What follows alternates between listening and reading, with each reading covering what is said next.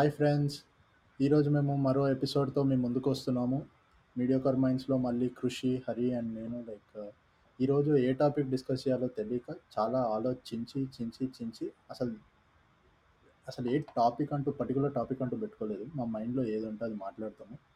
So ఈరోజు episode mostly like no agenda like we don't have any agenda for this episode we're like speak our hearts out so Krishi like ఏముంది నా అసలు what are you thinking right నా lot going right అంటే Elon Musk Twitter కొన్నాడు. మొన్న అదేంది? Credit card credit card fraud అదే charge బ్యాక్ది అదొకటి.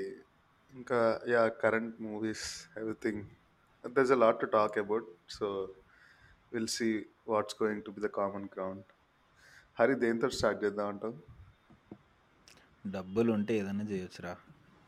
దీంతో స్టార్ట్ చేద్దాం. ఎగ్జాంపుల్ ఎలాన్ మస్కే కదా? యా అదే. So yeah. అంటే ఎలాన్ మస్ బయింగ్ ట్విట్టర్ అంటే obviously he has some agenda అంటే he now owns a power a powerful social media platform అంటే which is I feel Twitter is most powerful in the all the social media platforms in a way agree ఏమో నాకు నాకైతే అసలు రోజుకో news article వస్తుంది ఏది నిజమో ఏది అబద్ధమో కూడా తెలియదు ఎందుకంటే ఫస్ట్ ఒక స్టేట్మెంట్ పాస్ చేశాడు. Elon Musk after buying Twitter will lay off seventy five percent of Twitter Twitter staff అని చెప్పేసి. దాని తర్వాత అసలు అవుతుందా కాదా అవుతుందా కాదా అని ఒక గంట సే- అంటే ఒక కొన్ని రోజులు జరిగి ఆ ట్విట్టర్ బాట్ ఇష్యూ అయ్యి దాని తర్వాత వీడికి వాడు కేసేసి వేసి వీడు ఓడిపోతున్నాడు అంటే కొంటా అని కొన్నాక లే ఆఫ్ చేస్తా అని కొన్న వెంటనే టాప్ ఎగ్జిక్యూటివ్స్ని లే ఆఫ్ చేయడము వాళ్ళకి ఎంతో వన్ ఎయిటీ మిలియన్ వస్తుంది అని చెప్పేసి న్యూస్ ఆర్టికల్స్ రాయడము. మళ్ళీ ఈరోజు Elon Musk found found clause in the agreement like he he fired them for a cause so వాళ్ళకి ఆ హండ్రెడ్ అండ్ ఎయిటీ మిలియన్ ఎంతైతే అమౌంట్ వచ్చేది ఉందో ఆ టాప్ ఫోర్ ఎగ్జిక్యూటివ్స్కి రాకుండా ఆపుతున్నాడు అని చెప్పేసి వస్తుంది. మొన్న డబ్ల్యూఎస్జీ వచ్చేసి ఇద్దరు ఎవరో ఏంటిది? కామెడియన్స్ రా. బాక్స్ పట్టుకొని బయట ఉంటే డబ్ల్యూఎస్జీ ఇంకా సిఎన్బిసి ఉండేసి Twitter started laying off people outside it's SF campus అని చెప్పేసి అంటే అది పెద్ద జోక్ అయిపోయింది. అసలు ఏం జరుగుతుంది అన్నది ఎవరికీ ఐడియా లేదు. కాకపోతే ఒక్కటే ఒక ఒఫీషియల్ న్యూస్ మనకి ఏమొచ్చింది అంటే ఈ బ్లూటూత్ బ్లూ టిక్ ఉన్న వాళ్ళంతా ఇరవై డాలర్లు కట్టాలి నెలకి గోయింగ్ టు ద ఫ్యూచర్ అని చెప్పేసి వచ్చింది. అంటే నాకు ఆ బ్లూ టిక్ వల్ల ఎంతవరకు ఉపయోగమో నాకు పెద్ద అర్థం కాదు. So there was a poll which I saw like దగ్గర దగ్గర ఒక లక్ష నలభై వేల మంది ఓట్ చేసిండ్రు. Then like seventy percent of it was like నేనైతే డబ్బులు కట్టా నాకు బ్లూ టిక్ కోసము అని. Then Musk commented saying interesting so బేసిక్గా అంటే I don't know if if you guys been three the street so three segregations అనుకోరా. అంటే there's a Twitter space where blue ticks will rant rant or talk or discuss whatever అంటే it ఒక tweet blue tick code వేసిందంటే replies and retweets అవన్నీ blue tick వాళ్ళకే పరిమితం. So ఇప్పుడు ఎవరన్నా say PM PM or president of US tweet చేస్తే నా you can retweet or reply to it you can share your views on it అక్కడ చాలా నాయిస్ అయిపోతుంది. సో నేను చదివిన న్యూస్ ఆర్ ట్వీట్స్ ప్రకారం ఏంటంటే Musk is going to have a space for those blue tick so POTUS నుంచి tweet వస్తే only PMs or other presidents can reply to it or share their thoughts so noise అంతా తగ్గిపోద్ది అని. And there is there is another space where normal people they have this free will free speech kind of thing నువ్వేమన్నా మాట్లాడు but నువ్వు ఉన్న జు జ్యూరిస్డిక్షన్కి it should be like you should follow that rules అంటే నువ్వు ఒకటి మాట్లాడడం it might be okay in US but it might not be okay in India so based on that అలా ఒకటి. ఇంకొకటి some content క్రియేటర్స్కి so yeah something like that అట్లా ఒకటి ఉంది. అంటే ఇది నేను చదివింది. సో ఇక్కడ రెవెన్యూ మోడల్ ఏంటంటే వాడికి ఈ బ్లూటిక్ వాళ్ళ నుంచి కంటెంట్ క్రియేటర్స్ నుంచి జనరేట్ చేయొచ్చు అన్నట్టు దెర్ ఆర్ స్పెక్యులేషన్స్ అంటే యా ఈ న్యూస్లో కూడా there is a lot of noise ఇప్పుడు విశాల్ గడ్ అన్నట్టు. So no one is really clear about what's he's what he's going to do what he's agenda is ఏమన్నా అంటే ఫ్రీ స్పీచ్ అంటాడు. But yeah what actually he's planning for అనేది ఎవరికి తెలియదు interesting నేను ఇంట్లో ఎంత అనం కానీ. బట్ లైక్ ఇప్పుడు బ్లూటిక్స్ని సెగ్రిగేట్ చేసినప్పుడు కూడా ఇంకా అక్కడ కూడా ఇంకా అంత పెద్ద పెద్దోళ్ళే మాట్లాడుకుంటుంటారు. ఇప్పుడు డైరెక్ట్ ఇప్పుడు మనలాంటి చిన్నోడు వాళ్ళని రీచ్ అయ్యేది పోతుంది ఇప్పుడు ఫర్ ఎగ్జాంపుల్ తీసుకో కేటీఆర్ పోస్ట్ చేస్తుంటాడు అన్న నాకు ఇది కావాలి అన్న నాకు అది కావాలి అని.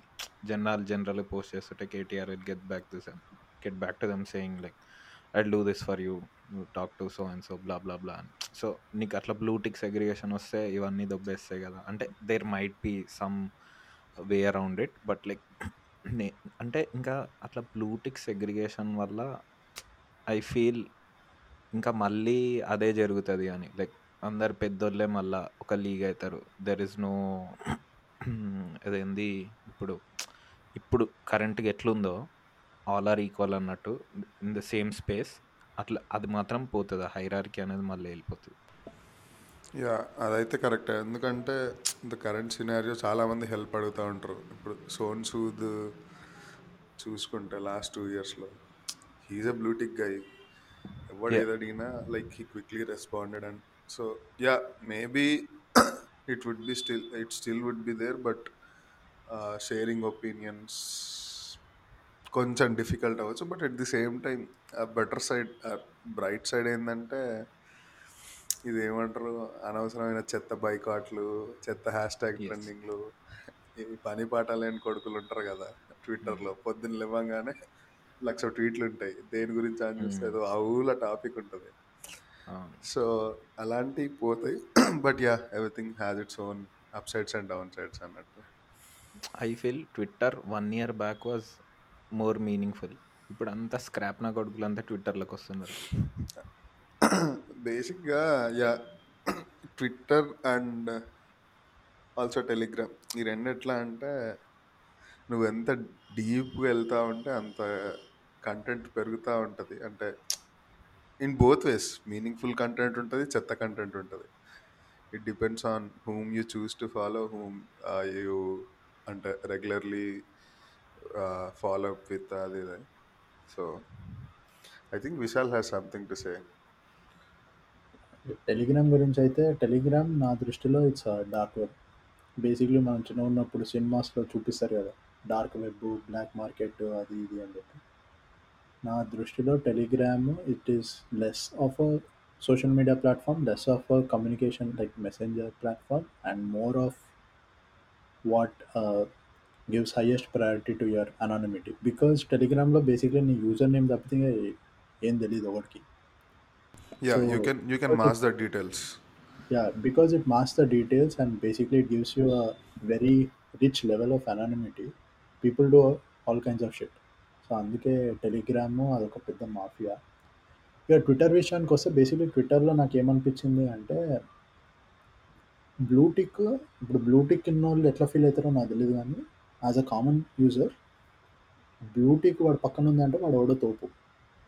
తోపు ఇన్ ద సెన్స్ అంటే like I can approach them I know like it is reliable లేకపోతే ఏమవుతుంది అంటే చాలామంది సేమ్ యూజర్ నేమ్ ఇప్పుడు సపోజ్ విరాట్ కోహ్లీ ఉన్నాడు ఆమ్ కోహ్లీ అని ఉంటుంది. ఆ స్పెల్లింగ్ ఒకటి చేంజ్ చేస్తారు.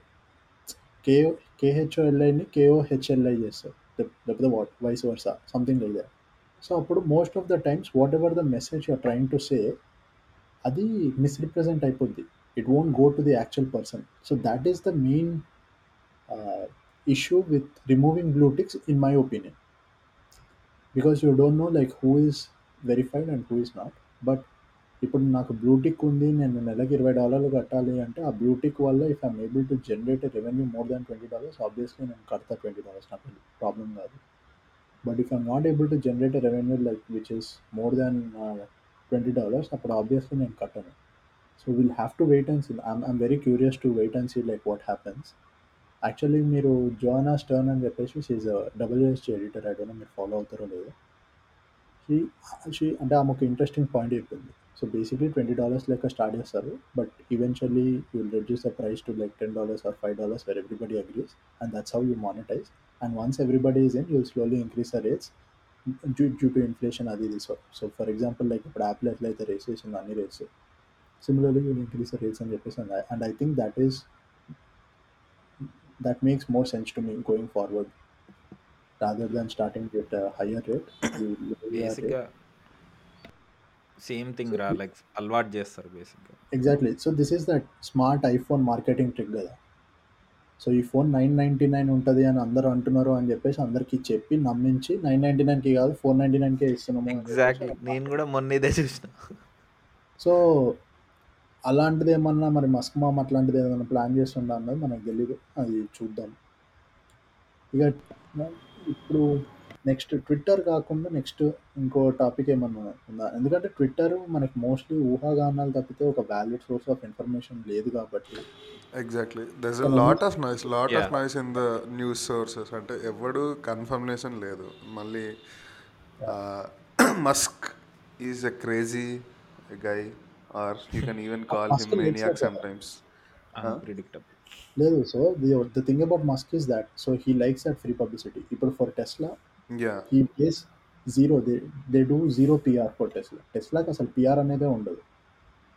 He generates that hype among people and then like ఇప్పుడు టెస్లాలో నీకు మోస్ట్ ఆఫ్ ది థింగ్స్ ఎట్లా వస్తాయి తెలుసా? డ్రోన్స్ ఎగిరేసి చూస్తారు వాళ్ళు. టెస్లా కంపెనీలో ఏమవుతుంది అని చెప్పేసి. అసలు జీరో పర్సెంట్ పిఆర్ పెడతాడు. సో ఆల్ హిస్ ఆ హైప్ జనరేట్ చేస్తాడు. ఆ హైప్ వల్ల వాళ్ళే అంటే లైక్ అది ఆటోమేటిక్గా పబ్లిక్ నుంచే వస్తుంది. So I think he's doing the same thing with Twitter as well rather than like doing ఒక ప్లానింగ్ ఒక మార్కెటింగ్ ప్లానింగ్ ఇవన్నీ చేసే బదులు is building up the hype is building up the curiosity among people and ఒకసారి అదంతా వచ్చిన తర్వాత దాన్ని వాడుకుంటాడు. మస్క్ మామ వెరీ ఇంటెలిజెంట్ ఇలాంటి విషయాల్లో అనిపిస్తుంది. యా డెఫినెట్లీ ఏదో టైం పాస్ చేయడానికి అయితే ట్విట్టర్ కొనుక్కోడు కదా. సో యా అంటే ఇప్పుడు మస్క్ మామ గురించి మాట్లాడిన తర్వాత అంతే ఉన్నత స్థాయిలో ఉన్న వ్యక్తి గురించి మాట్లాడాలి అని చెప్పి నేను కోరుకుంటాను అయినా అయినా అయినా నన్ అయినా అదర్ అయినా none other than our famous favourite president కాదురా. అంటే ప్రెసిడెంట్ నాకు ప్రెసిడెంట్ మా ప్రెసిడెంట్ మిస్టర్ మంచు ఎవడరా యుఎస్ ప్రెసిడెంట్ యుఎస్ ప్రెసిడెంట్ కాదు మా ప్రెసిడెంట్ మా అదేరా. ప్రెసిడెంట్ యుఎస్ ప్రెసిడెంట్ ఎవడు? మా ప్రెసిడెంటే గొప్ప. What is Biden who is Biden so Hari Jinnah cinema చూసావా? నాకు అలాంటి సినిమాలు చూసే ధైర్యం లేదురా. అదంతా కాదు కానీ మొన్న మేము చూసా. వాడు టీవీ నైన్లో టీవీ ఫైవ్లో ఏదో ఇట్లానే పిఆర్ టాక్ కోసం వస్తే ఒకడు ఫోన్ చేస్తాడు భార్గవ్ కదా? భార్గవ్ కదా? అనుకుంటారా? నాకు అంత గుర్తులేదు. లాస్ట్ అట్లీస్ట్ అయింది లాస్ట్ కట్ అయింది అదే అదే at least twelve twelve tickets sold అవ్వాలి.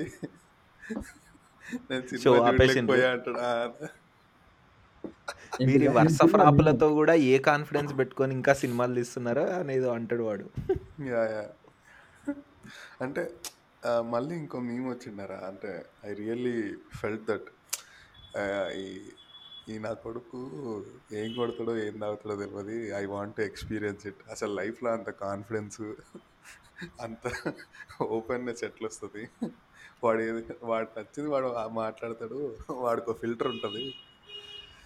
నువ్వు ఏది చెప్పినా వాడికి వినబడాల్సిందే వినబడుతుంది అంతే. అంటే ఏమోరా నాకైతే కొన్ని కొన్నిసార్లు మరీ social media is being too harsh అందేమని చెప్పేసి అనిపిస్తుంది ఆ ఫ్యామిలీ వీళ్ళు కూడా సేమ్ ఇలాన్ మస్క్ లాగానే మస్క్ లాగానేరా పిఆర్ పెద్ద అవసరం లేదు. వాళ్ళే పబ్లిసిటీ చేసుకుంటారు. సో అట్లా. చెప్పాలి అంటే టాలీవుడ్లో అంత ఎంటర్టైన్మెంట్ ప్రొవైడ్ చేసిన హీరోలు చాలా తక్కువ. చాలా ఆడియో రిలీజ్లు కూడా. Unfortunately he's doing that off screen on screen చేస్తే బాగుంటుందని జనాల ఫీలింగ్ ఆన్ స్క్రీన్ అంటే పైసలు కట్టి చూడాలిరా. ఆఫ్ స్క్రీన్ అంటే ఫ్రీలో ఎంటర్టైన్మెంట్ ప్రొవైడ్ చేస్తున్నారు హీస్ యాక్చువల్ హీరో నాకు యా అవును. ఎకనామిక్ టర్మ్స్ని కన్సిడర్ చేసి అందరికి జనాల కోసం.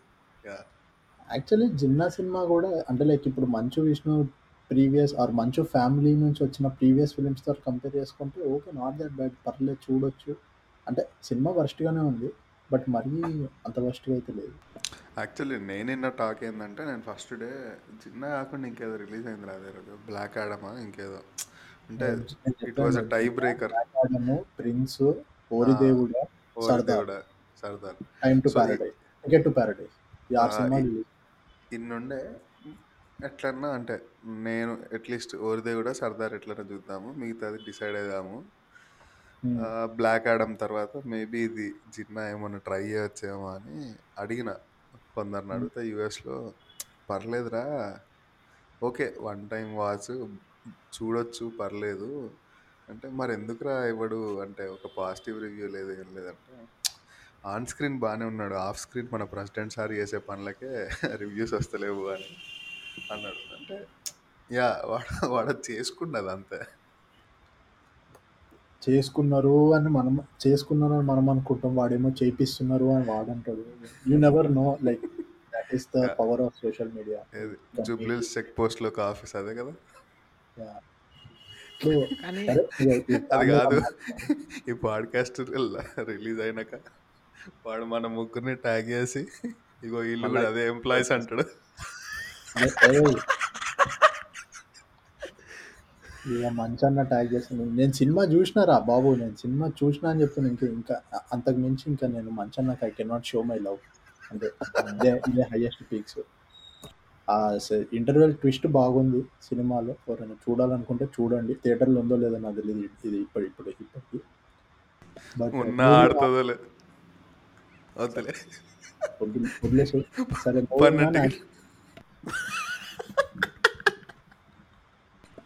పన్నెండు. టికెట్లు దిగుతూనే ఆడుతుంది. గుర్తుపెట్టు నువ్వు పదమూడో వాడు అయితే పో. పాపం. యాక్చువల్లీ సి నాకు ఆ సినిమాలో మోస్ట్ సర్ప్రైజింగ్ ఏంటిది అంటే సన్నీ లియానికి అంత స్క్రీన్ టైం ఉంటుంది అని చెప్పేసి నేను ఎక్స్పెక్ట్ చేయలేదు.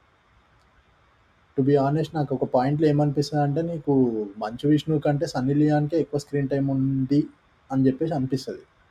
కాకపోతే సన్నీ లియాన్ని ఇక వాళ్ళు ఒక యాక్టర్లా కాకుండా ఒక దా చూపిస్తారు. అది అది కొంచెం మళ్ళీ నీకు ఒక ఒక- దగ్గర పిచ్చిలేస్తుంది అనమాట ఆ కెమెరా యాంగిల్లో అన్ని అవసరం లేదు. కాకపోతే మన వాళ్ళు అది అది అది అది సిచ్యువేషన్ సరే మూవింగ్ ఆన్ బేసిక్గా జిన్నా గురించి మాట్లాడుకుంటే బ్లాక్ యాడమ్ టాపిక్ వచ్చింది. సో బ్లాక్ యాడమ్ సినిమా చూడడం జరిగింది. మళ్ళీ ఈ విత్ మనీ గెట్స్ పవర్ అన్న దానికి మెయిన్ మెయిన్ ఎగ్జాంపుల్ ఏంటిది అంటే బ్లాక్ యాడమ్ అనేటోడు ఒక విలను వాడికి అంత పెద్ద స్టోరీ లేదు క్యారెక్టర్ లేదు ఏం లేదు కామిక్స్లో అట్లీస్ట్ మా ఉందేమో నాకు తెలియదు మా ఫ్రెండ్స్ అయితే ఏం లేదని చెప్పేసి చెప్పినాను అంటే లైక్ అంత సీన్ లేదని చెప్పేసి అన్నారు. కాకపోతే అది రాక్ చేయడం వల్ల బ్లాక్ యాడమ్కి ఒక సినిమా వచ్చింది.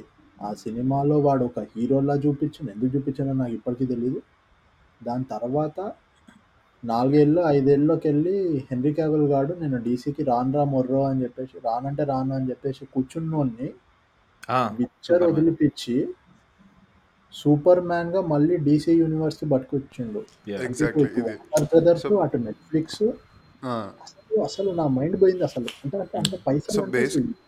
ఆ, బేసిక్గా నేను ఇక్కడ two or three points first point Black Adam గురించి ఏంటంటే కామిక్స్లో ఎట్లుందో నాకు తెలియదు ఐ డోంట్ నో వాట్స్ ఈ significance in comics but correct Black Adam అంటే నేను ఎప్పటి నుంచో షాజాం చూద్దాం చూద్దాం చూద్దాం అనుకొని బ్లాక్ యాడమ్ రాత్రి షో ఉంటే మధ్యాహ్నం షాజాం చూసి వెళ్ళా. షాజాంలో like he describes the revengeful challenge challenger అది సంథింగ్ ఒక చిన్న ఫ్రేజ్ ఉంటుంది. అంటే ఈ choose a guy before but he is not good he was completely revengeful so అందుకే వి అబాండన్ హిమ్ అన్నట్టు అంటారు. That's the same guy Black Adam so అక్కడ షాజామ్లో ఎట్లా చూపిస్తారంటే వాడు ఇంకా విలనే వాడు అన్నట్టు Hmm. చెప్తారు డైలాగ్. ఇక్కడ చూ- ఇక్కడికి వచ్చేసరికి ఇప్పుడు విలన్ అనలేం కదా సో అందుకనే యాంటీ హీరో అనే కొత్త పదం తీసుకొచ్చి యాంటీ హీరోలా ఇంట్రడ్యూస్ చేశారు. అంటే sometimes you need heroes like this who are like నాటు who don't think about think much about anything అని. నాటు కాదు ఇలాంటివి మా బాలయ్య చేస్తే ఒప్పుకోరు కానీ బ్లాక్ యాడమ్ నాటు యాంటీ హీరో ఏంది మళ్ళీ కానీ the best part I which I like about the movie was like black super హీరోలను ఎప్పుడు క్లిక్ కానియర్రా మ్మ్. మన వకాండా గాడు ఒకటి హిట్ అయిండు దాని తర్వాత. వీడే. హ్యాంకాక్ వచ్చింది అప్పుడు. హ్యాంకాక్ బాగానే ఉంటుంది పీకింది. దాని తర్వాత ఇదే. బేసిక్గా జనాలు కూడా నల్లోడి హీరో అంటే ఎంకరేజ్ చేయరు. అది ఎందుకో నాకు అర్థం కాదు. మ్మ్. అండ్ ఇంకోటి యా ఇదొకటి ఈ- పాయింట్ ఒకటి నేను చెప్దాం అనుకున్నా. ఇంకొకటి ఏంటంటే యా యా చెప్పు.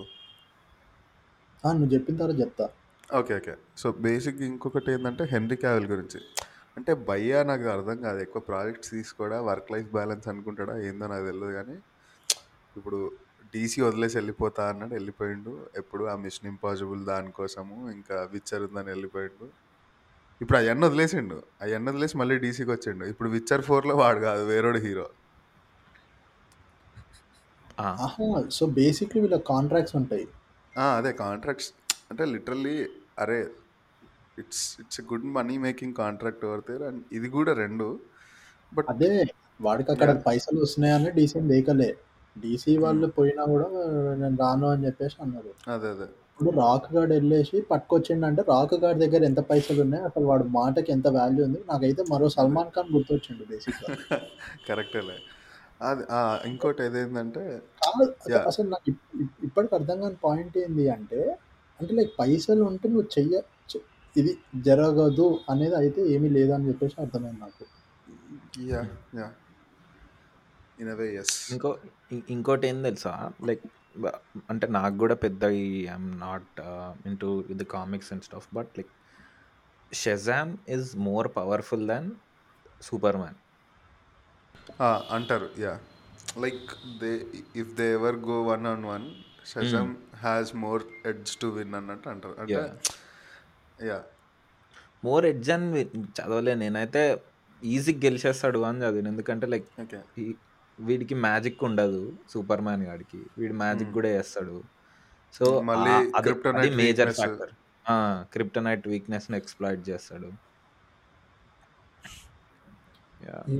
ఇంట్రెస్టింగ్ నేను I want see that fight రా. యాక్చువల్లీ బట్ నాకైతే ఇట్లా హీరో వర్సెస్ హీరో ఫైట్ అనేది మాత్రం ఐ లైక్ బ్యాట్ మ్యాన్ రా బ్యాట్ మ్యాన్ ఐరన్ మ్యాన్ తర్వాతనే ఇంకెవరని యా అంటే బేసిక్గా realistic తెలివితోటి. It's all mind game more of mind game then realistic అని కాదు కానీ నా నా లోపల నాకేమనిపిస్తుంది అంటే మనిషే ఎంతైనా తోపు. మనిషిని ఎవడు. తోపుగా చూపిస్తే నేను వాడికే సపోర్ట్ చేస్తా. నీకు వాడెవడో గ్రహాంతరవాసి బల్లిగాడు వచ్చి మన మీద డామినేట్ చేస్తే అట్లా ఇట్లా ఒప్పుకుంటాం. సో అదే. ఈ టాపిక్ వచ్చింది కాబట్టి చెప్తారా? నేను ఇట్లానే ర్యాండమ్గా ఏదో చేస్తున్నప్పుడు నాకు తెలిసి ఒక ప్యారలల్ టాపిక్ డ్రా చేశాను between Superman and Krishna Lord Krishna నువ్వు కంపేర్ చేస్తే సేమ్ స్టోరీ ఇప్పుడు. సూపర్ మ్యాన్ నోడు వేరే గ్రహ వేరే దగ్గరకు వెళ్ళి భూమి మీదకి పడతాడు ఇక్కడ పెంచుకుంటారు. ఇప్పుడు కృష్ణ యశోదకు పుడతాడు కాకపోతే యశోద. యా సంథింగ్ సేమ్ పెంచుకుంటారు కదా. ఉమ్, దాని తర్వాత ఇప్పుడు కృష్ణుడు మామ కంసుడు చంపడానికి ట్రై చేస్తాడు.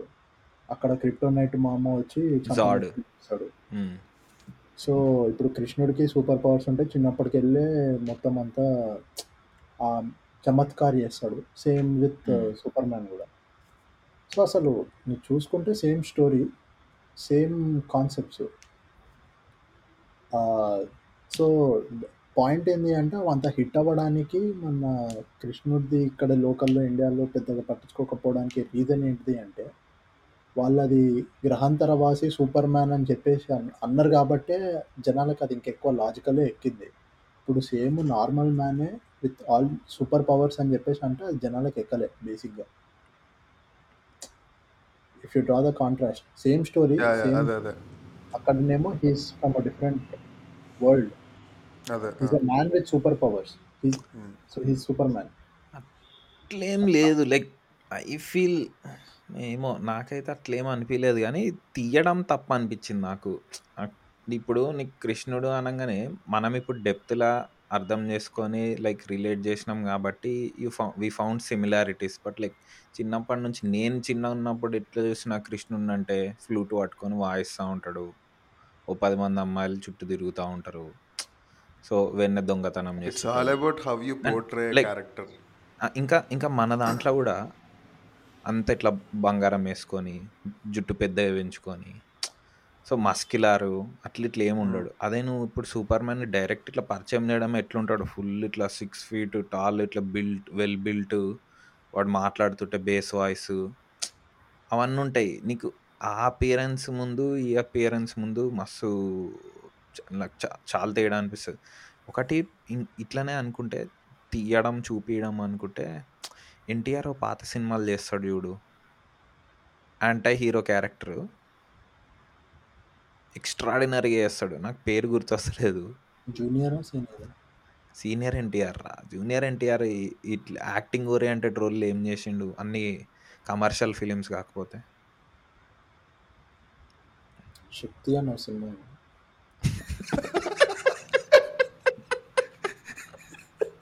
దీన్ని మీరు ఎక్కడో చూసినట్టుంటుంది. కానీ ఎప్పుడు చూడరు. మెహర్ సినిమాటిక్ యూనివర్స్లో మాస్టర్ పీస్ అది. అంటే యా. అంటే ఈ టాపిక్ వచ్చింది కాబట్టి చెప్తా. నాకు ఎప్పటి నుంచో being a Prabhas fan Billa cinema థియేటర్లో చూడాలని ఉండే. మొన్న తీరింది. అనిపించింది. మెహర్ మెహర్. వాడి జీవితంలో చేసిన సినిమా ఒక మంచి సినిమా ఏదన్నా ఉంటే అది బిల్లానే అయి ఉండొచ్చు. But still it didn't collect well back then. Shadow. Okay.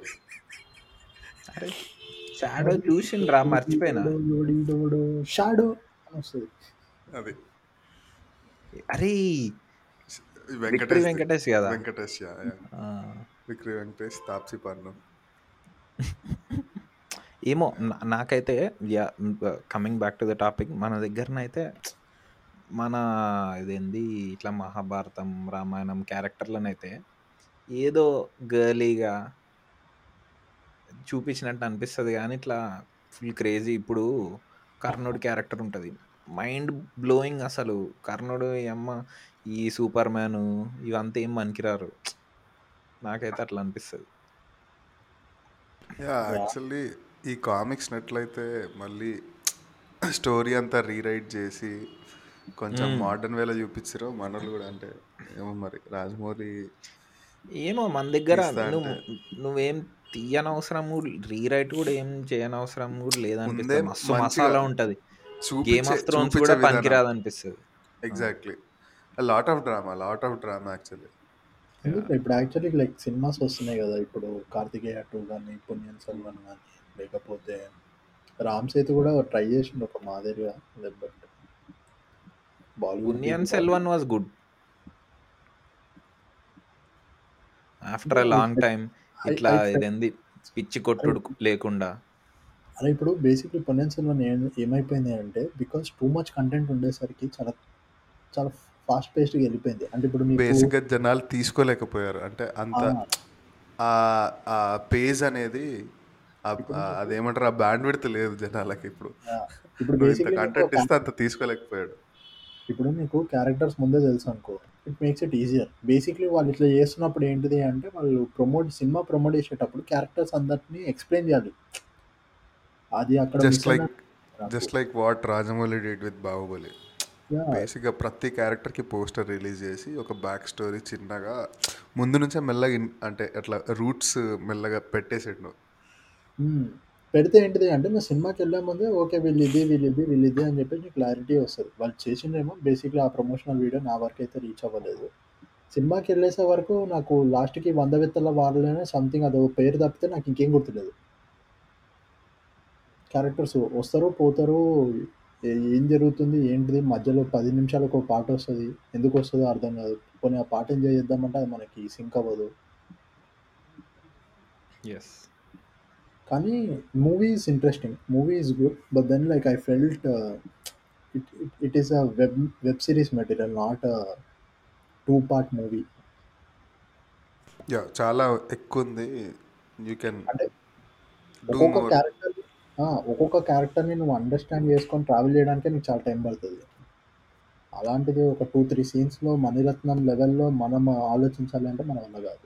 A bit overwhelming yeah so basically ఇంతకుముందు నేను క్వశ్చన్ అడుగుదాం అనుకున్నా మర్చిపోయినా. సో లైక్ ఇప్పుడు all this famous Hollywood studios like Warner Brothers కానీ డిజ్నీ కానీ they are going for culture inclusivity which is a good thing I would say కానీ మంచి హిట్ ఫ్రాంచైజెస్ని తీసుకొని రీబూట్ అని ఒక పేరు పెట్టి కల్చర్ ఇంక్లూసివిటీ కింద డిఫరెంట్ కల్చర్స్ని ఇంక్లూడ్ చేసి సినిమా తీసి అది మన మీదకి రుద్దడం పైన మీ ఒపీనియన్ ఏంటి?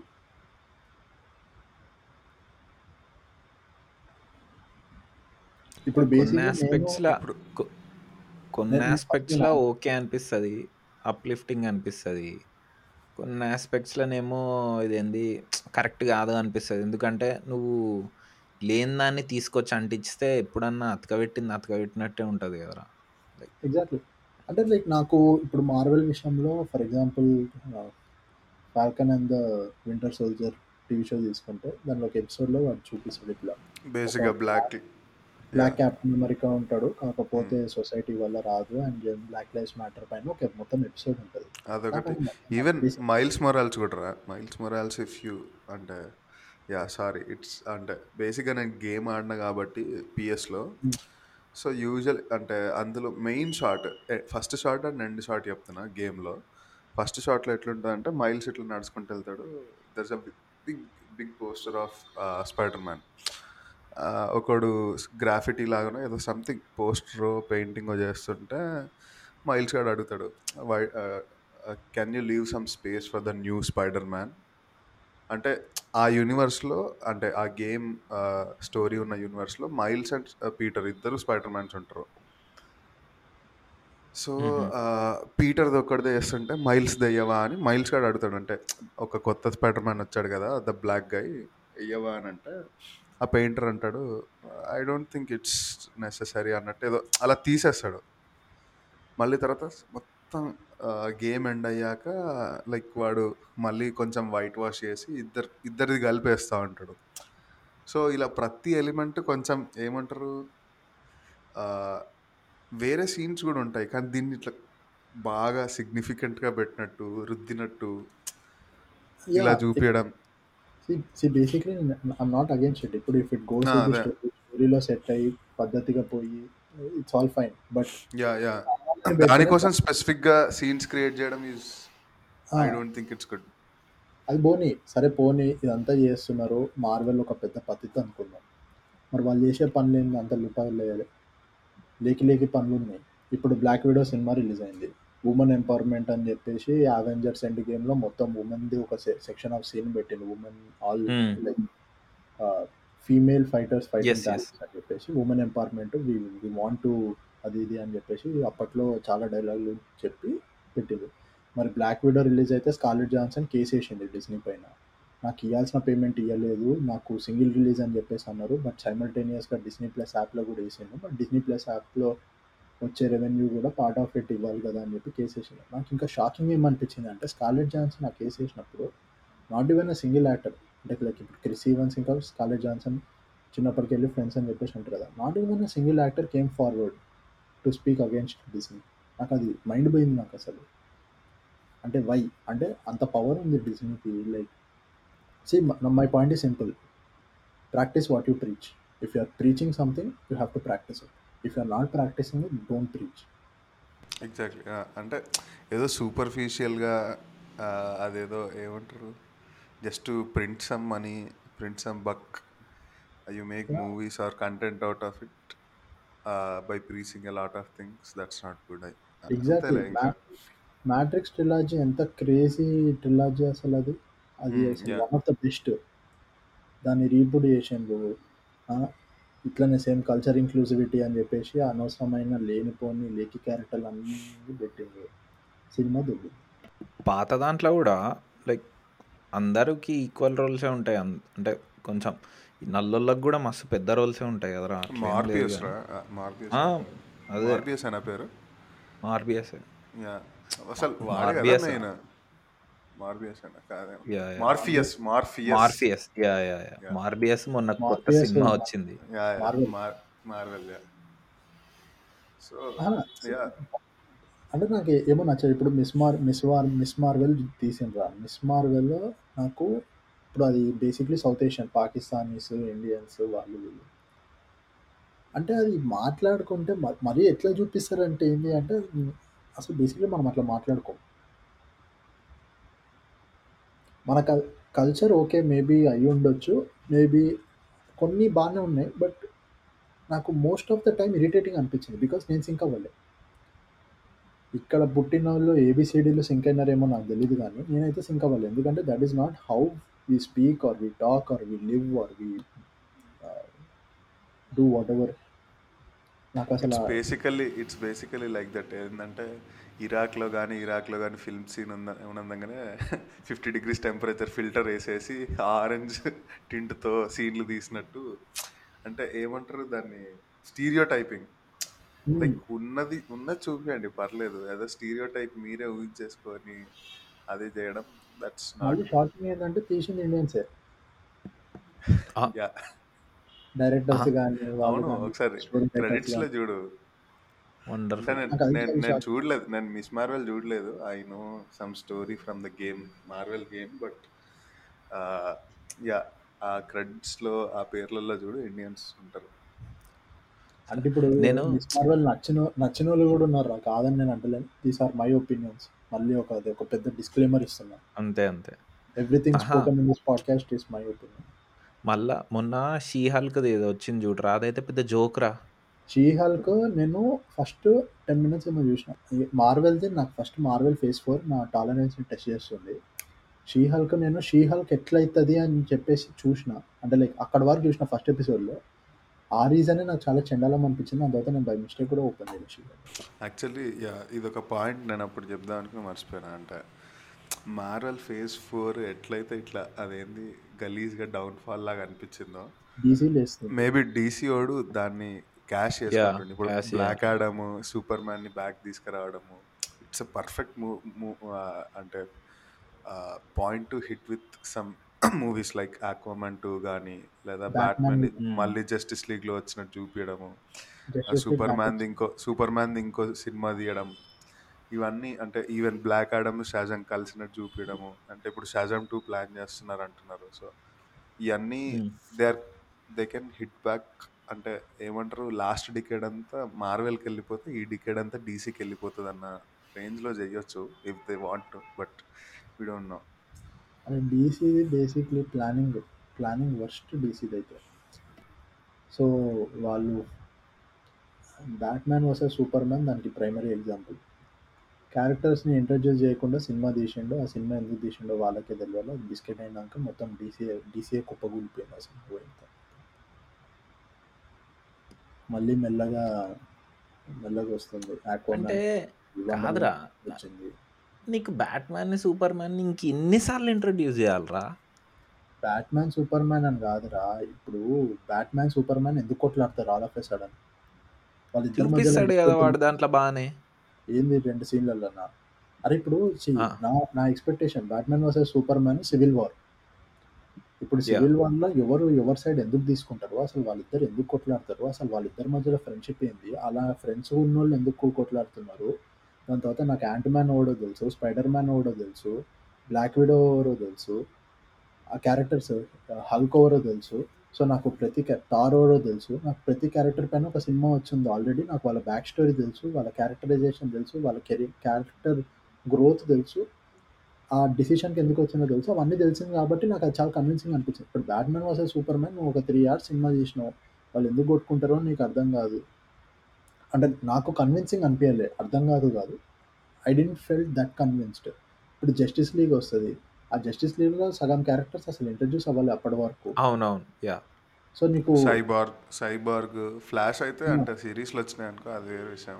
ఇప్పుడు వాళ్ళు అది ఎందుకు వాళ్ళు వాళ్ళు ఎందుకు వాళ్ళు ఎందుకు సైడ్లో తీసుకుంటున్నారు? ఇప్పుడు సూపర్ Hmm. మ్యాన్కి బ్యాట్ మ్యాన్కి కామిక్స్ ప్రకారం అయితే అసలు కంపారిజన్ ఉండదు. ఇన్ టర్మ్స్ ఆఫ్ పవర్ అవును. అట్లాంటిది సో అందుకని చెప్పేసి so things like that like comparison ఉండదు కానీ దాంట్లో కూడా బ్యాట్ మ్యాన్ గెలుస్తాడు కదా బ్యాట్‌మ్యాన్ గెలిచిండు కాబట్టి నీకు నచ్చిందేమో అని నాకు అనిపిస్తుంది. అట్లేం లేదు. అంటే అంటే నాకైతే ముందు నుంచి బ్యాట్‌మ్యాన్ అంటే అది వేరే. క్రాంతరవాసిని గెలిపిస్తే నీకు నచ్చది ఆ! మనోడే కాబట్టి అట్లా కాదసలు. బే ఇప్పుడు కాదురా! ఇప్పుడు 'ఐరన్ మ్యాన్' గూడా ఎందుకురా హిట్ అయింది? అందుకే గదా! 'ఐరన్ మ్యాన్‌కి' ఎందుకు అంతమంది మ్యాన్ వల్ల హిట్ అయింది గట్టిగా మాట్లాడితే నా దృష్టిలో. ఇంకొకటి కుడ్. ఏందంటే that could be the reason. But swag. Basically. నీకు ఐరన్ మ్యాన్ అంటే గుర్తొచ్చేది స్వాగ్. ఆ! స్వాగ్ అంటే తీసుకొచ్చింది ఆర్‌డీజే. నువ్వు నువ్వు 'ఐరన్ మ్యాన్' అంటే చూసేదే వాడినిరా ఇంకెవ్వరు కనిపియరు నీకు. 'ఐరన్ మ్యాన్' అంటే వాడే. ఇప్పుడు ఎట్లా? ఇప్పుడు మన పాత సినిమాలల్లా కృష్ణుడు అంటే ఎన్టీఆర్. ఎట్లా! చూపిస్తారో 'రాబర్ట్ డౌనీ జూనియర్' అంటేనే 'ఐరన్ మ్యాన్.' సో, నాకు. ఇంకో డీసీ చేసిన తప్పు పని సరే నీ ఫేవరెట్ క్యారెక్టర్ అంటున్నావు. సో బెస్ట్ బ్యాట్‌మ్యాన్ ఎవరు? ఆబ్వియస్లీ 'క్రిస్టియన్ బేల్' రా. నేను గూడా అంటే క్రిస్టియన్ బేలే అంటా. అసలు నిర్మొహమాటంగా అంటే అసలు without any hesitation without any thought. Thought Robert Pattinson Robert? 'Robert ప్యాటిన్సన్‌ని' వదిలేసేయి. వాడు 'హ్యారీ పాటర్‌లో' వీళ్ళు పిల్ల బచ్చన కొడుకు గాని ఆ! హ్యారీ పాటరా? వాడు హ్యారీ! పాటర్ కాదురా వాడు ట్విలైట్. ట్విలైట్ ఆ! 'ట్వైలైట్.' అరే Robert Pattinson Batman I like the tech or suit whatever but as a Batman నేను తీసుకోలేకపోయినా వాడిని బెన్ అఫ్లెక్ ఓకే నేను అంత 'రాబర్ట్ ప్యాటిన్సన్' గాడు 'హ్యారీ పాటర్‌లో' కూడా ఉంటాడురా నేనేం తప్పు అనుకుంటున్నానా అన్న. 'గాబ్లెట్ ఆఫ్ ఫైర్‌లో' లాస్ట్‌కి చచ్చిపోతాడు చూడురా. ఓ యా యా యా అవును కరెక్ట్ 'ట్వైలైట్' వాడు తర్వాత ఎప్పుడో వచ్చింది. అందుకే పిల్లా కొడుకు. రాబర్ట్ ప్యాటిన్సన్ బ్యాట్‌మ్యాన్ అంటే నేను ఫస్ట్ తీసుకోలేకపోయినా. బట్ సినిమా చూసిన తర్వాత క్రేజీ ఉండే అసలు cinema. Okay but still if you if you ask me next Batman Christian Christian బేలేరా. బేల్కి క్రిస్టియన్ బేల్కి రాబర్ట్ ప్యాటిన్సన్కి వీళ్ళిద్దరు ఇట్లా ఎవరికి ఇవ్వాలి అని అడుగుతాను నేను క్రిస్టియన్ బేల్ అంట రే లాస్ట్‌లో ఓ సీన్ ఉంటది. ఆల్ఫ్రెడ్ గాడు ఆడ మూలకు కూసుంటాడు. వీడిని ఒక కుర్చీలో చూపెడతారు. అబ్బా! ఇట్లా తిప్పుతాడురా. మ్, మ్యాడ్. ఫ్యూజులు ఎగిరిపోయినాయి నాకు. అది క్రిస్టోఫర్ నోలాన్ కూడా అది అదే నోలన్ మాయా అది అంటే వాడు యాక్టింగ్ కూడా రా. అరే క్రిస్టియన్ బేల్ ఏం తక్కువ యాక్టర్ రారా. Bale Robert. ప్యాటిన్సన్ కంటే బెటరేరా. నాకు రైట్ అదే ఇప్పుడు నాకు అదే కదా ప్రాబ్లం. క్రిస్టియన్ బేల్ లాంటి యాక్టర్‌ని మార్వెల్, థార్ లాంటి ఒక తిక్కుమాలిన సినిమాలో జస్ట్ ఆ! వన్ అరే ఆఫ్ అబ్బా! కింద గార్ పాడుకుంది. అదే దారుణం రా అది. అది అదైతే అదైతే it's not even move it's not even a movie. It's a joke రా బేసిక్‌గా క్రిస్టియన్ బేల్ మీద. హుహు. సరే నాకు తెలిసి సినిమాల గురించి ఇక చాలానే మాట్లాడినాం కదా! అది పోతూనే ఉంటది. మనం ఒక ఒక టాపిక్ యాక్చువల్లీ. యా సినిమాల నుంచి ఇంకో మాట్లాడదాం. టాపిక్కి స్విచ్ అయ్యేది మొన్న న్యూస్ ఈ credit card charge back the క్యాన్సాస్లో so like what's your opinion on that అంటే ఆ యూనివర్సిటీకే అందరు ఇట్లాంటోళ్ళు పోతార్రా. పోనీ పోనీ ఫస్ట్ ఫస్ట్ ఒకసారి బ్రీఫ్ ఇంట్రో తెల్ ఈ న్యూస్ గురించి తెలియని వాళ్ళకి ఫస్ట్ బ్రీఫ్ ఇంట్రో ఇచ్చి. మళ్ళీ మాట్లాడదాం సో ఫస్ట్ థింగ్ నేను బేసిక్‌లీ నేను ఒక ఒక రూల్ పెట్టుకున్నారా. విశాల్ విశాల్ విశాల్ ఒక్కసారి ఒక్కసారి అసలు ఈ న్యూస్కి చిన్న ఇంట్రో ఇయ్యి అంటే అదే వినేటోళ్ళకి తెలిసి! తెలిసి ఉండకపోవచ్చు న్యూస్‌కి ఇంట్రో ఇస్తా. సో ఫస్ట్ తర్వాత సో న్యూస్ ఏంటిది అంటే ఒక థియేటర్ ఓనరు లోకల్ అథారిటీ దగ్గర కేస్ ఏసిండు. కేస్ ఏంటిది అంటే జనాలు థియేటర్‌కి వచ్చి సినిమా చూస్తున్నాడు. సినిమా చూసిన తర్వాత charge back fraud charge back fraud కింద మార్క్ చేసినారు. ఇప్పుడు ఈ చార్జ్ బ్యాక్ ఏంటిది అంటే యూఎస్‌లో మీకు క్రెడిట్ కార్డ్ ఇస్తారు. ఆ క్రెడిట్ కార్డ్ ఎక్కడ పడితే అక్కడ వాడొచ్చు. సో క్రెడిట్ కార్డ్ ఎవడు పడితే వాడు వాడచ్చు సో పిన్ కానీ ఓటీపీ కానీ అలాంటివి ఏమి ఉండవు. ఎనీబడి ఇప్పుడు నా క్రెడిట్ కార్డు ఎవరి దగ్గర ఉంటే వాళ్ళు వాడుకోవచ్చు. అంటిల్ అండ్ అన్లెస్ నేను ఆ కార్డు నాది పోయింది అని నేను రియలైజ్ అయ్యి లాక్ చేస్తే తప్పితే. సో ఇప్పుడు ఈ ఛార్జ్ బ్యాక్ ఏంటిది అంటే నా కార్డు పైన ఎవరో అన్‌ఆథరైజ్డ్ ఛార్జెస్ uh, చేసిండ్రు. నాకు ఆ చార్జెస్‌కి సంబంధం లేదు అని చెప్పి మనము వాళ్ళకి ఒక క్లెయిమ్ రేస్ చేస్తాం క్రెడిట్ కార్డు వాళ్ళతోటి. ఇప్పుడు బేసిక్‌లీ నేను థియేటర్‌కి వెళ్ళినా లేదా అని చెప్పేసి ఎవరు చెక్ చేస్తారు, ఎవరు చెక్ చేయలేరు కాబట్టి క్రెడిట్ కార్డు మోస్ట్‌లీ ఆ క్లెయిమ్‌ని యాక్సెప్ట్ చేస్తాడు. సో థియేటర్ వానికి పైసలు పంపియక పైసలు ఇవ్వడు. అండ్ వీడికి వీడి పైసలు వీడికి బ్యాక్ ఇస్తారు. సో వీళ్ళు ఏంది అంటే సినిమా చూసేది క్రెడిట్ కార్డు క్లెయిమ్ చేసేది లైక్ అన్‌ఆథరైజ్డ్ ఛార్జ్ అని చెప్పేసి సో క్రెడిట్ కార్డ్ మళ్ళీ వీళ్ళకి పైసలు బ్యాక్ వచ్చేసి పుక్కట్లో సినిమా చూసేదన్నమాట. సో ఇప్పుడు క్రెడిట్ కార్డ్ కంపెనీ కాడ వెళ్ళి ఇట్లా జనాలు వస్తున్నారు సినిమా చూస్తున్నారు కాకపోతే ఛార్జ్ బ్యాక్ చేస్తున్నారు. అట్లా నాకు almost two fifty K dollars లాసెస్లో పోయింది రెండు థియేటర్స్ కలిపితే అని చెప్పేసి సీసీ ఫైవ్ హండ్రెడ్ నేను సరే two fifty K or five hundred K so CC కెమెరాల్లో వాళ్ళ ఫోటోలు రికార్డ్ చేసి వీళ్ళు వచ్చిండ్రు ఛార్జ్ బ్యాక్ చేసిండ్రు అని చెప్పేసి క్లియర్గా చెప్పిండ్రు. అయితే ఇన్వెస్టిగేషన్ చేస్తే తెలిసింది ఏంటి అంటే ఈ- ఈ ఛార్జ్ బ్యాక్ ఫ్రాడ్ చేసిన జనాలంతా Kansas City college students mostly Indians finished who finish their masters graduate who finish their graduation and కన్సల్టెన్సీలో పనిచేసేటోళ్ళు. సో ఈ న్యూస్ ఇన్స్టాగ్రామ్లో అమెరికన్ ట్రాల్ పేజెస్లో వచ్చిందనమాట సో దీని గురించి మాట్లాడాలంటే నా ఫస్ట్ రెండు పాయింట్లు. సో ఫస్ట్ నేను ఏమనుకున్నా అంటే సోషల్ మీడియాలో వచ్చింది ఏది నేను నమ్మొద్దు ఫ్యాక్ట్ చెక్ చేయకుండా. ఐ షుడెంట్ బిలీవ్ ఎనీథింగ్ అని చెప్పేసి అనుకున్నా. సో బేసిక్లీ నేను అది ఫ్యాక్ట్ చెక్ చేయలేదు. మరి అది ఫ్యాక్టా లేకపోతే సో ర్యాండమ్ సోషల్ మీడియా పోస్టా అన్నది నాకు ఇప్పటివరకు తెలియదు దాని తర్వాత సెకండ్ థింగ్ ఏంటిది అంటే ఇప్పుడు if you assume that this is a fact like my opinion ఏంటిది అంటే సినిమా చూడాలని అంటే పైసలు కట్టెళ్ళి సినిమా చూడండి. సినిమా చూడాలని లేకపోతే చూడకండి. సినిమా చూడాలి కాకపోతే నా దగ్గర నీ పైసలు లేవు అంటే ట్యూస్డే రోజు ఐదు డాలర్లకు టికెట్ వస్తుంది. ఆ ట్యూస్డే రోజు వెళ్ళి సినిమా చూడండి. అంతేకాని ఇలాంటి లేకి పనులు చేస్తే ఏమవుతుంది అంటే ఫస్ట్ మీరు ఇక్కడ బతుకుతున్నందుకు you are representing an entire nation so basically you will be bringing down the name of the nation and ఇప్పుడు ఇలాంటి యాక్ట్స్ వల్ల మిగతా వాళ్ళు అంటే ఇప్పుడు పైసలు కట్టి సినిమాకి వెళ్ళి చూసే వాళ్ళకి కూడా స్టీరియోటైప్ అయిపోతుంది. దాని తర్వాత it will be a problem for people who are currently living or ఇండియాకి వెళ్ళి ఇప్పుడు వచ్చే వాళ్ళకి కానీ అందరికీ ప్రాబ్లం అవుతుంది for for a thing that you have done. అది నేను చెప్పాలనుకుంటున్నా. ఇక ఎంత చెప్పినా మేము బతికేది మేము బతుకుతాం మేము చేసేది మేము చేస్తాం నువ్వు ఓడిరా నాకు చెప్పేది అనుకుంటే మేము ఇష్టం వచ్చేది చేసుకోండి. అంటే దీన్ని మనం కూడా ఏదో పెద్ద పత్తిత్తులు అని కాదు కానీ అంటే నేనైతే మరీ ఇంత చీప్గా సినిమా టికెట్లు స్విగ్గీ ఆర్డర్లు ఇవంతా చేసేంత మూర్ఖుడిని అయితే కాదురా. నేను ఎప్పుడు రియలైజ్ అయినా అంటే అంటే నేను ఇవి చేయలేదు అంటే నేను చేసిన కొన్ని అంటే కొన్ని కూడా ఏంది? మైక్రోసాఫ్ట్ పైరేటెడ్ది వాడుకోవడం. ఇలాంటివి తప్ప మరీ ఇంత చెండాలమ్మి చేయలేదు. ఆ మైక్రోసాఫ్ట్ది కూడా ఆపేసిన. ఎప్పుడు మనకు చెప్పినప్పుడు అరే మీరే ఇట్లాంటి కంపెనీలో పనిచేయాలనుకుంటారు. ఎగ్జాక్ట్లీ మళ్ళా నువ్వే అది దీనిపై వాడితే అసలు మీనింగ్ ఉందా? లేదు. So it was all back in college days ఒక్కసారి కాలేజ్ బ్యాక్ కాలేజ్ నుంచి వచ్చాక అంటే literally at least three of us we never used any ఏమంటారు any application that's pirated or we know we know అంటే ఎందుకంటే it's there is a lot of effort being put అని తెలిసి we started using అంటే we started paying money for it ఆ realisation ఉంది at least అంటే అంటే కాదురా ఇప్పుడు కాదు నా పాయింట్ సింపుల్ ఇప్పుడు బేసిక్లీ నీకు పైసలు కట్టి సినిమా చూడాలని లేకపోతే ఆన్లైన్లో చూసుకో. నేను వాడు ఆపేటోడు లేడు చేసేటోడు లేడు. నీకు ఉన్నాయి నీకు కావాల్సిన రిసోర్సెస్లో నీకు వస్తుంది. చూసుకో చేసుకో. అంతేగాని ఇప్పుడు ఈ- ఇట్లాంటివి చేయడం వల్ల ఇంకోటి ఏంటిది అంటే ఇప్పుడు పొద్దున్న దొరికితే డిపోటేషన్ పడేస్తారు.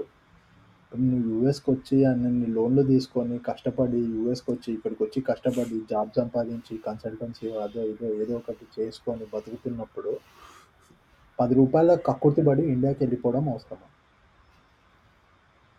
చాలు పది రూపాయలు. పది డాలర్ల కక్కుర్తి పడి ఇండియాకి వెళ్ళిపోవడం అవసరమా? పది రూపాయలు అంతే. మెంబర్షిప్ మెంబర్షిప్ ఫీజు ఉంటుంది. ఆ మెంబర్షిప్ తీసుకుంటే నీకు మంచి డిస్కౌంట్ కూడా వస్తుంది. అన్నీ ఏమి అంటే నాకు దీని గురించి మాట్లాడడం లేదు బేసిక్గా. Actually actually this reminds me of something. So recently I met KC and he said something. మనం ఎప్పుడు ఏమంటారు? మనకు వచ్చేదాని గురించి చూస్తాము మనం ఇచ్చేదాని గురించి ఎందుకు ఆలోచించము? You should think about that ఇప్పుడు సపోజ్ నువ్వు కంపెనీలో పనిచేస్తున్నావు వన్ ఇయర్ కాగానే ఆ, నాకు హైక్ కావాలి అది ఇది అని చాలా పొలైట్గా మంచిగా అడగడం స్టార్ట్ చేస్తావు. If the same is done by your maid now you are the employer and she's she or he's the employee he's doing the same నువ్వు చేసేదే వాళ్ళు కూడా చేస్తున్నారు. అక్కడ ఏమంటావు? అయింది వన్ ఇయర్కైనా హైకా టూ ఇయర్స్ త్రీ ఇయర్స్ పని చేసినాక హైక్ ఇస్తాను ఏంటి టెన్ పర్సెంట్ హైక్ అలా టూ పర్సెంట్ త్రీ పర్సెంట్ ఇస్తాను చాలు వెయ్యి వెయ్యి రూపాయలు ఎక్కిస్తున్నాం కదా చాలా చాలదా? ఇట్లాంటివి మాట్లాడతాం. So one should think of like money ఎక్కడ స్పెండ్ చేస్తున్నాం? మనకు ఎంత వస్తుంది? ఏది ఎథికల్ ఏది నాన్ ఎథికల్? అవన్నీ కొంచెం మనుషులు they should start thinking about this ఇప్పుడు నువ్వు అన్నట్టే మెంబర్షిప్ తీసుకొని ఉండుంటే కాదురా they would have saved a lot అంటే ఆ అనాలిసిస్ ఉండాలి జనాలకు జనరల్గా అసలు ఆ థింకింగ్ అనేది ఉండాలి. అసలు ఇట్లా ఎందుకు చేస్తున్నాము? అసలు చేస్తే ఏమొస్తుంది? బేసిక్లీ ఏంటిది అంటే ఒకరి యో ఎవరో ఒకరికి వస్తుంది ఈ ఐడియా చేసినాం రా ఏం కాలే అని చెప్పేసి ఇంకొకటి చెప్తాడు. చేస్తాడు. ఏం చెప్పిన అరే అరే ఐ బిలీవ్ ఓన్లీ థింగ్ రా. ప్రతి ఇండివిజువల్కి ఎథిక్స్ వాల్యూస్ ఉంటాయి. And everybody will stick to that అని చెప్పేసి నేను నమ్ముతా. సో ఎవరు ఎథిక్స్ వాళ్ళవి ఎవరి వాల్యూస్ వాళ్ళవి ఎవరికి నచ్చింది వాళ్ళు చేసుకోవచ్చు. This is a free country ఎవరికి నచ్చింది వాళ్ళు చేసుకోవచ్చు. ఇది ఇది కరెక్ట్ ఇది తప్పు అని చెప్పే రైట్ ఎవరికి లేదు. అంతే యా అంటే బేసిక్గా నువ్వు ఇప్పుడు అన్నది కరెక్టే రా కృషి. అంటే ఇప్పుడు మనం గివ్ అండ్ టేక్స్ ఎప్పుడు ఉంటాయి? కొన్ని అసలు నార్మల్ బేసికే సెన్స్ లేనోడికి నువ్వు ఇప్పుడు ఇంత పెద్ద ఫిలాసఫీలు చెప్తే వానికి ఏం అర్థమవుతుంది అసలు మనం ఎందుకు చెప్తున్నట్టు? మన చేసేదే నువ్వు అరే ఇప్పుడు నేను నేను సింపుల్ క్వశ్చన్ అడతారా కృషి. నువ్వు చదువుకున్నావు వీడి వరకు వచ్చినావు ఇలా జాబ్ చేస్తున్నావు అంటే నీకు మినిమం కామన్ సెన్స్ ఐక్యూ ఉంది అని చెప్పేసి నమ్ముతున్నామా యా నేనైతే నమ్ముతాను ఎగ్జాక్ట్లీ నేను పెట్టుకొని కూడా నువ్వు ఇది చేస్తున్నావు అంటే నీకు అది తప్పు అని నీకు ఆల్రెడీ తెలుసు. అది తప్పు. అని కూడా నువ్వు చేస్తున్నావు అంటే నేను ఆపేటాడు ఎవడు లేడు. తెలియకుండా నువ్వు చేస్తే ఓకే రా ఇది ఇట్లా చేస్తే తప్పు అంటే వాడు ఓకే తప్పు నేను చెయ్యొద్దు అని చెప్పేసి మార్చుకునే అవకాశం ఉంది. తప్పు అని తెలిసి తప్పు చేసిన నువ్వు ఏం చేయలేవు. This is I feel this is a very I feel this is a very big sign that our education system has failed రా. అంటే బీటెక్ది అంటే అది వాడు బేసిక్ సెన్సే లేనోడు అసలు బేసిక్ అసలు ఒక బుద్ధి జ్ఞానం అనేది లేనోడు ఇలాంటి పనులన్నీ చేస్తాడు రా అంటే not just education it's about అరే ఏ నేను ఒకటి చెప్తా మన వాళ్ళకి తెలివి కాదు అతి తెలివి అది ప్రాబ్లం యా. ఇప్పుడు తెలివి లేనోడికి చార్జ్ బ్యాక్ చేసుకోవచ్చు అన్న ఆప్షన్ ఉంటుందని కూడా తెలియదు వాడికి. అవును. ఇది అతి తెలివి. దేడు ఈడ లూప్ ద లూపర్స్ సిస్టంలో లూపులు ఎత్తికి నేను కూడా ఒక మిలియనర్ అయిపోతా అని చెప్పేసి అనే మైండ్ సెట్లో ఈడ మన వాళ్ళంతా లూప్ హోల్స్ నేను వెతకడంలోనే సింపుల్గా కదా. చెప్తారా? నేను సింపుల్గా చెప్తా. బేసిక్లీ నాకు ఒక నాకు మొత్తం ఒక జనరేషన్ అంటే లైక్ నేను ఒకటి చెప్తారా? ఐఫోన్ స్కామ్ యా నాకు యా తెలిసిన ఆల్మోస్ట్ ప్రతి ఒక్కరు చేసిండు. ఇప్పుడు ఎవడు ఎవడైనా చేయొచ్చు అది.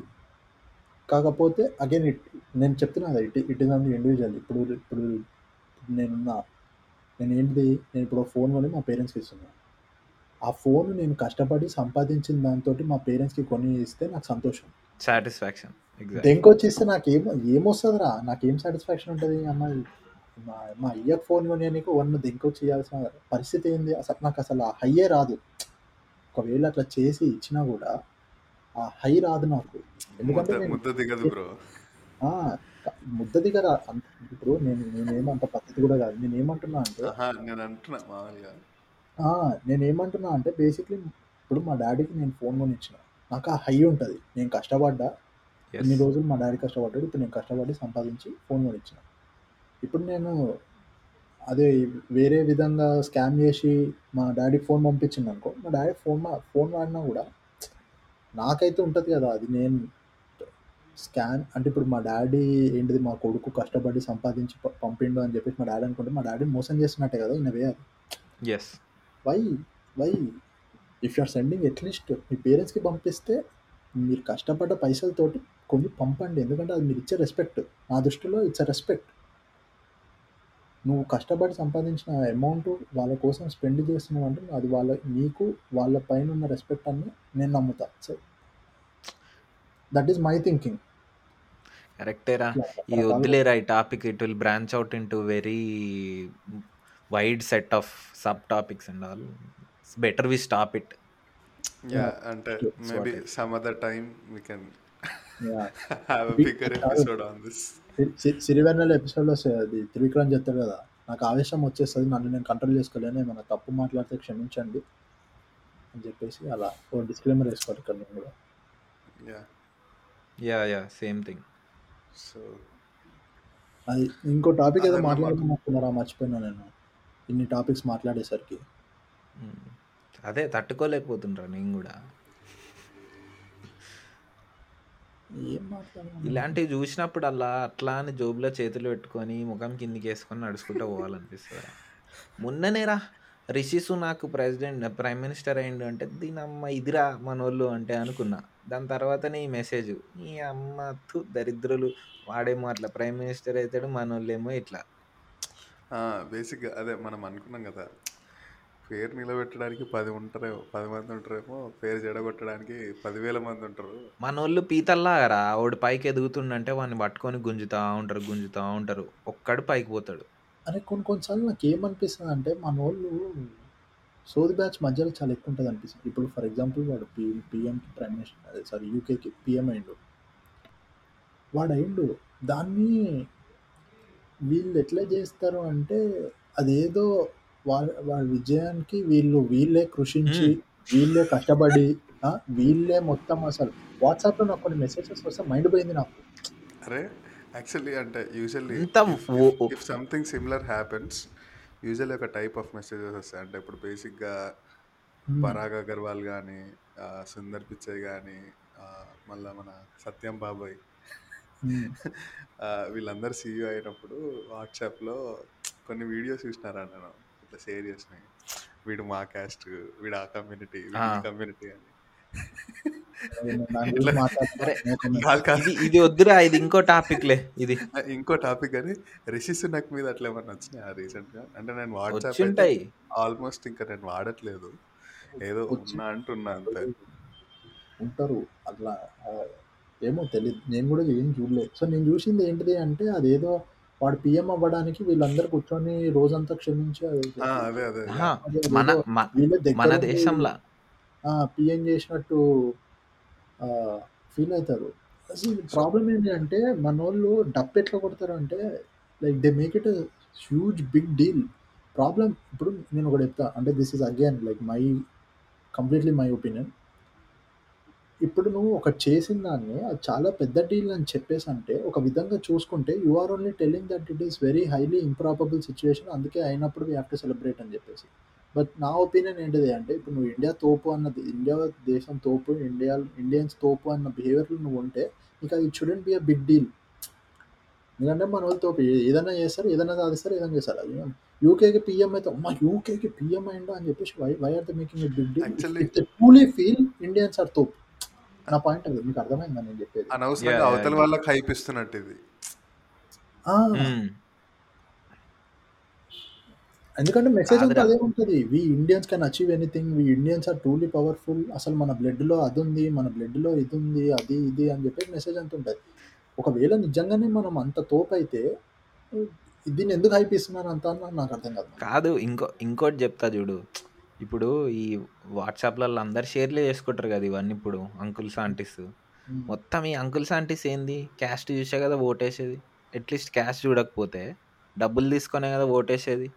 మళ్ళీ ప్రతి అవ్వ బువ్వ రోడ్డు మీద కూర్చున్న ప్రతి లుచ్చన కొడుకు పిఎం మనోడైండు మనోళ్ళు వెళ్తున్నారు అని మాట్లాడేటోళ్ళే తప్ప నీ అమ్మ డబ్బులు తీసుకోకుండా ఓటేసేటోడు ఒక్కడని ఉన్నాడా? Crazy point? క్యాస్ట్ చూడకుండా ఓటేసేటోడు ఒక్కడని ఉన్నాడా? ఇదైతే వర్స్ట్ రా. చెండాలం కాదు ఇప్పుడు గొప్ప పొజిషన్ కోడి పోయిండు అంటే వీడు మనోడా అని అనేదా? ఇది పోయినప్పుడేరా మనోళ్ళు బాగుపడేది. ద థింగ్ ఏంటిది అంటే అది it is all across the globe రా. ఇప్పుడు అది ఏమంటారు?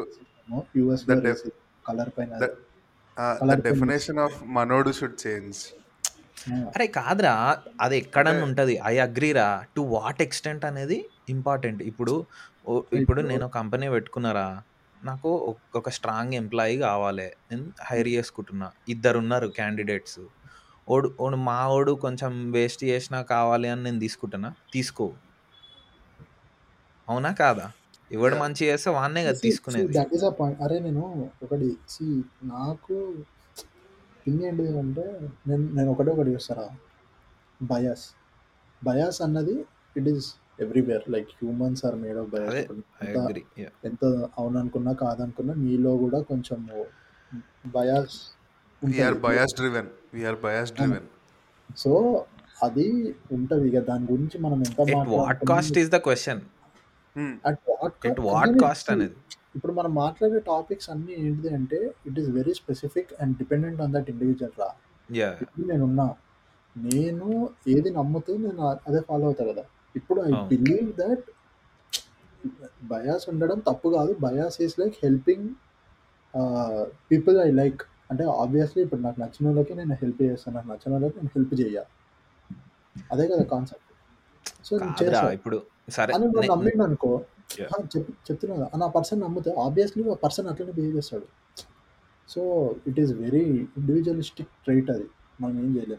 All we can hope is కానీ నేనైతే చెప్పేది ఏంటంటే కంపారిటివ్గా మన వాళ్ళకి ఇట్లాంటి పార్టీషనింగ్ థింగ్స్ చాలా ఎక్కువ. ఎందుకంటే ఇప్పుడు నీకు London prime minister Rishi Sunak బ్రౌనోడ్ అయిండు అంటే అసలు ఇంత వైట్ సుప్రీం ఉన్న కంట్రీలా ఒకడు బ్రౌనోడు ప్రైమ్ మినిస్టర్ అయిండు అంటే వాళ్ళకి లేనట్టే ఆ ఫీలింగ్. అంటే ఉన్న చాలా తక్కువ ఉన్నట్టు మన మనోళ్ళు అది ఇంపాసిబుల్ మనోళ్ళు. సో నేను నేను అంటున్నా. థింక్ అదే హరిగాడు చెప్పినట్టు think the other way around ఇప్పుడు మన దగ్గర will allow white person to be the. PM Sonia Gandhi Indian national Hmm. కాంగ్రెస్కి ప్రెసిడెంట్ అయితేనే యా నువ్వు ఇటలీ నుంచి వచ్చినావు అది ఇదని వి వి షేమ్ హర్ అంటే పీపుల్ డిడ్ దట్ ఒప్పుకోవాలి ఇంకా అంతే. Yeah so yeah it's like completely debatable అనుకో అది వేరే విషయం. అంటే నాకేమనిపిస్తుంది అంటే basically being biased is a human trait రా. టు వాట్ లెవెల్ అన్నది it is indi individualistic and ఇప్పుడు అది కరెక్ట్ తప్పు అన్నది debatable like it depends on like the perspective నువ్వు ఏ పర్స్పెక్టివ్కి వెళ్ళి చూడాలనుకుంటున్నావు అన్నది నా పాయింట్ నేను అది కరెక్ట్ అనట్లే తప్పు అనట్లే నేను దాన్ని డిఫెండ్ చేయట్లే అది చేయట్లే. బేసిక్లీ ఐ అంటే there are certain things there is నేను ఎలాంటి అంటే ఇప్పుడు కొన్ని విషయాలు ఉన్నాయి. ఇట్ డజంట్ అంటే అది నేను ఏం చేయలేను అన్నప్పుడు నాకు దాని గురించి పట్టించుకోవడం బంద్ చేస్తా. Yeah. ఇప్పుడు మొన్న. కోవిడ్ వచ్చింది. యా కోవిడ్ వచ్చినప్పుడు ఇండియాలో ఏం జరిగింది? ఇండియా పొజిషన్ ఉండడానికి ఏం జరిగింది అన్నది మొత్తం అందరికీ తెలుసు. ఒక్కలన్నా మాట్లాడిందా దాని గురించి? మాట్లాడుకోవడం అంటే ఇట్లా కలిసినప్పుడు ముచ్చట్లు పెట్టుకొని మాట్లాడుకోవడం కాదు కానీ ఒక ఒక ఫోర్స్ లాగా జనాలందరూ కలిసి లైక్ ఒక లీడర్ని పెట్టుకొని to voice out and opinion జరిగిందా? జరగడం కూడా జరగలేదు. అంటే బేసిక్లీ ఆ ఫ్రీడమ్ కూడా లేదు ఇప్పుడు మన దేశంలో నేను ఫీల్ అయినా. బేసిక్లీ ఆ ఇన్సిడెంట్ Yeah. అయినా ఐ అగ్రి మనము ఈ టాపిక్ చేయాలరా నెక్స్ట్ సో ఇవన్నిటికీ అంటే ఐ ఐ థింక్ లైక్ ఇట్లా మీనింగ్ఫుల్ ఇప్పుడు మనం రైట్ రాంగ్ గురించి మాట్లాడుతున్నాం కాబట్టి ఓ టాపిక్ చేయాలరా. వాట్స్ రైట్ వాట్స్ రాంగ్ అంటే. What's the definition of right what's the definition of wrong అది కూడా దిస్ అంటే the I feel the conclusion of this ఆ, అరే ఇప్పుడు సో ఒక ఒక్క పాయింట్ చెప్తున్నా ఒక్క పాయింట్ సో ఈ what is right what is wrong is always perspective అంటే ఇట్ ఈస్ అంటే దెర్ అదే. ఇస్ ఇస్ దాని మీదనే మాట్లాడడం ఒక ఒక దాని గంట గుద్దుదాం. నేను ఒక ఒక ఒక లాస్ట్ ఒక పాయింట్ చెప్తా. నాకు ఇది చాలా నాతోటి ఉండిపోయింది పాయింట్ బేసిక్లీ నేను సరిగ్గా చెప్పగలుగుతానో లేదో నాకు తెలియదు కానీ ఇప్పుడు మనుషులందరికీ ఉండేవి రెండు కళ్ళే అయినా ఇప్పుడు మనం ఒక ఇన్సిడెంట్ చూసినప్పుడు అది ఒకలా ఎవరికీ అనిపించదు అర్థమవుతుందా బికాస్ Yes. నువ్వు ఒక ఇన్సిడెంట్ చూసినప్పుడు you will perceive it in based on your experiences your. Baggage your biasness your interpretation it is all you అక్కడ జరిగింది ఒకటి. కాకపోతే దాన్ని నువ్వు ఎలా అర్థం చేసుకుంటున్నావు ఎలా అండర్స్టాండ్ చేసుకుంటున్నావు ఎలా పర్సీవ్ చేసుకుంటున్నావు ఎలా చేసుకుంటున్నావు అన్నది it is completely dependent and you and because ఇవన్నీ this all are indi individualistic traits కాబట్టి ఒక్కొక్కరు సేమ్ ఇన్సిడెంట్ని ఒక్కొక్క విధంగా అర్థం చేసుకుంటారు. And that is where this entire perspective thing comes from and నా దగ్గర ఒక ఒక హండ్రెడ్ ఎగ్జాంపుల్స్ ఉన్నాయి బేసిక్లీ నువ్వు నేను నీకు ఒక సిచ్యువేషన్ చెప్తా. టూ పర్స్పెక్టివ్స్ చెప్తా. నీకు ఎవ్రీ పర్స్పెక్టివ్లో ఆ సిచ్యువేషన్లో వాళ్ళు రియాక్ట్ అయిన విధానం కరెక్ట్ అనిపిస్తుంది. బట్ రెండు కాంట్రాస్టింగ్ కదా. మన మన నెక్స్ట్ నెక్స్ట్ ఎపిసోడ్ అంతా ఎపిసోడ్. ఎందుకు ఇప్పుడు? ఇప్పుడే రికార్డ్ చేసేద్దాం ఎపిసోడ్. ఫ్లోలో ఉన్నాం కాబట్టి గుర్తుపడేద్దాం. ఒక్క నిమిషం. యా దెన్ విల్ ఈ ఎపిసోడ్ ర్యాప్ అప్ చేసి విల్ స్టార్ట్ అనదర్. వద్దురా మళ్ళీ చేద్దాం రా మళ్ళీ చేద్దాం. మళ్ళీ అంటే అవుతుంది. ఈ మూడు ఉత్సాహము. వస్తుంది వస్తుంది. ఆ ఫైర్ వస్తుంది మళ్ళీ. వస్తుంది ఒకటి అవుతుందిరా. Okay then okay. Yeah. That's the no yeah. Agenda one. I think about నాకు తెలిసి ఇప్పటివరకు మనం రికార్డ్ చేసిన టాపిక్స్లో ఇదే most controversial topic and also most packed tightly packed అంటే చాలా ఎక్కువ డిస్కస్ చేసినాం చాలా ఎక్కువ జానర్స్కి వెళ్దాం. ఏమో అసలు నాకు ఏమనిపిస్తుంది అంటే మనం ఇట్లా ఒక టాపిక్ స్పెసిఫిక్ కాకుండా నో ఎజెండా పెట్టుకొని మనకు నచ్చింది మాట్లాడితే బెస్ట్ అనిపిస్తుంది. I agree yeah for every no agenda you come up with topic అంటే yeah no ఎజెండాలో you find a topic and then yeah okay then so that's the end of no agenda one like no agenda will like identify the pain points in the current society society. or b- yeah the whatever things are happening right now. Contemporary yeah yeah. So basically ending speech ఎవరు ఇస్తారు speech లేదు ఏం లేదు రైట్గా basically ఒక disclaimer అయితే ఇవ్వాలి చాలా controversial మాట్లాడినాం కాబట్టి. సి మోస్ట్ ప్రాబబ్లీ ఎపిసోడ్ మీరు వినే టైంకి it will be mostly unfiltered raw and we don't like editing out stuff because we want to post our own opinions and we don't shy away from posting our opinions. But the only point that I want everybody listening this podcast to understand is that ఈ పాడ్కాస్ట్లో మేము మాట్లాడినవి అన్నీ మా సొంత opinions it's are personal opinions personal experiences నుంచి వచ్చిన ఇవి yeah మేము నేను మేము మాట్లాడిందే కరెక్ట్ మేము ఆలోచించే విధానమే కరెక్ట్ మిగతా వాళ్ళందరు తప్పు లేకపోతే మిగతా వాళ్ళ ఒపీనియన్లు తప్పు అన్నది మా ఉద్దేశం కాదు. సో అది మీరు దయచేసి అర్థం చేసుకుంటారని నేనే నేనే ఒక వన్ ఇయర్ తర్వాత ఇట్లా ఇదే స్టేట్మెంట్స్ మాట్లాడుతానో లేదో నాకే doubt. Exactly yeah yeah because you uh, a different level at that అదే so. Yeah yeah yeah. Let's okay right okay. Bye